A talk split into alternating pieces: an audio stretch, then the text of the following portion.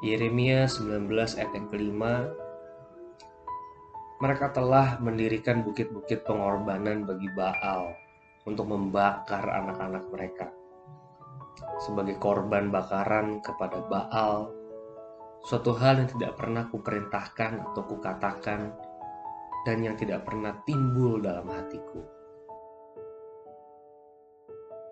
Saudara Tuhan mengekspresikan kekecewaannya yang mendalam kepada umatnya. Tuhan bilang, kepikiran aja enggak loh. Kita mungkin pernah mengatakan kalimat semacam ini pada waktu sedang berkonflik atau berselisih pendapat. Mungkin kita dituduh melakukan sesuatu yang salah, dan kita berespon, "Saya kepikir aja enggak melakukan hal itu." itu mengacu ke suatu perbuatan yang amat tercela dan tidak bernilai, apalagi kalau dilakukan oleh seorang manusia ciptaan Allah. Umat pilihan Allah lagi-lagi berbuat dosa.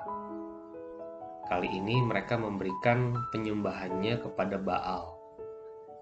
Dengan cara apa? Rupanya Dewa Baal memiliki tradisi untuk menyerahkan anak-anak kepada dewa dengan bentuk dibakar.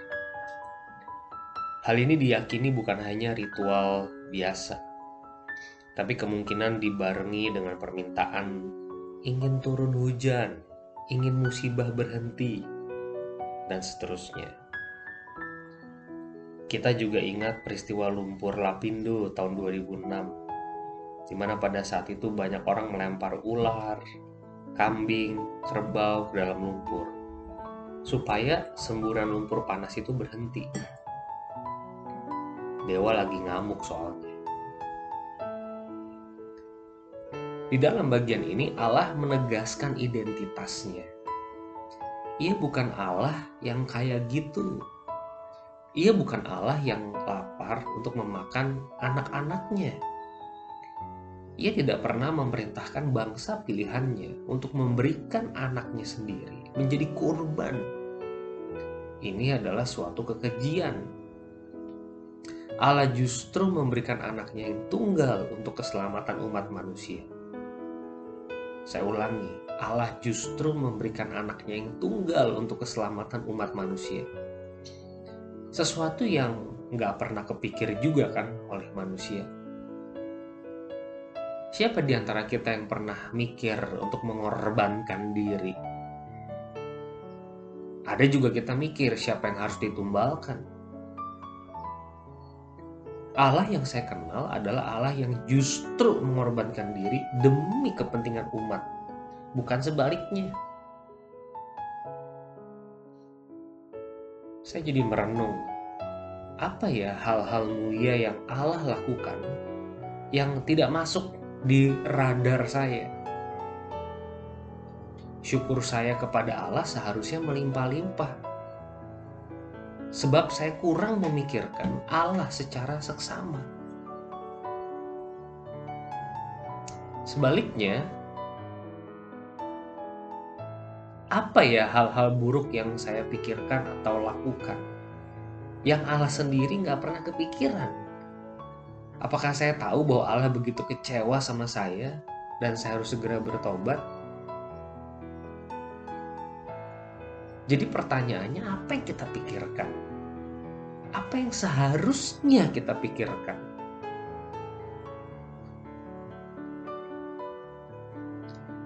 Jadi akhirnya saudara-saudara semua yang benar, semua yang mulia, semua yang adil, semua yang suci, semua yang manis, semua yang sedap didengar, semua yang disebut kebajikan dan patut dipuji, pikirkanlah semuanya itu. Filipi 4 ayat 8. Alkitab adalah firman Tuhan yang berisi ide-ide dan gagasan-gagasan ilahi yang menjadi isi hati Allah. Kita patut membacanya, merenungkannya. Kalau kita melakukannya, niscaya kita menjadi orang yang memiliki pikiran Allah Tentu tidak 100% kita memahami Allah. Tetapi paling tidak pikiran kita dikuduskannya. Di dalam saat teduh hari ini juga saya tertarik dengan Yeremia 18 ayat 18. Imam tidak akan kehabisan pengajaran, orang bijaksana tidak akan kehabisan nasihat, dan nabi tidak akan kehabisan firman.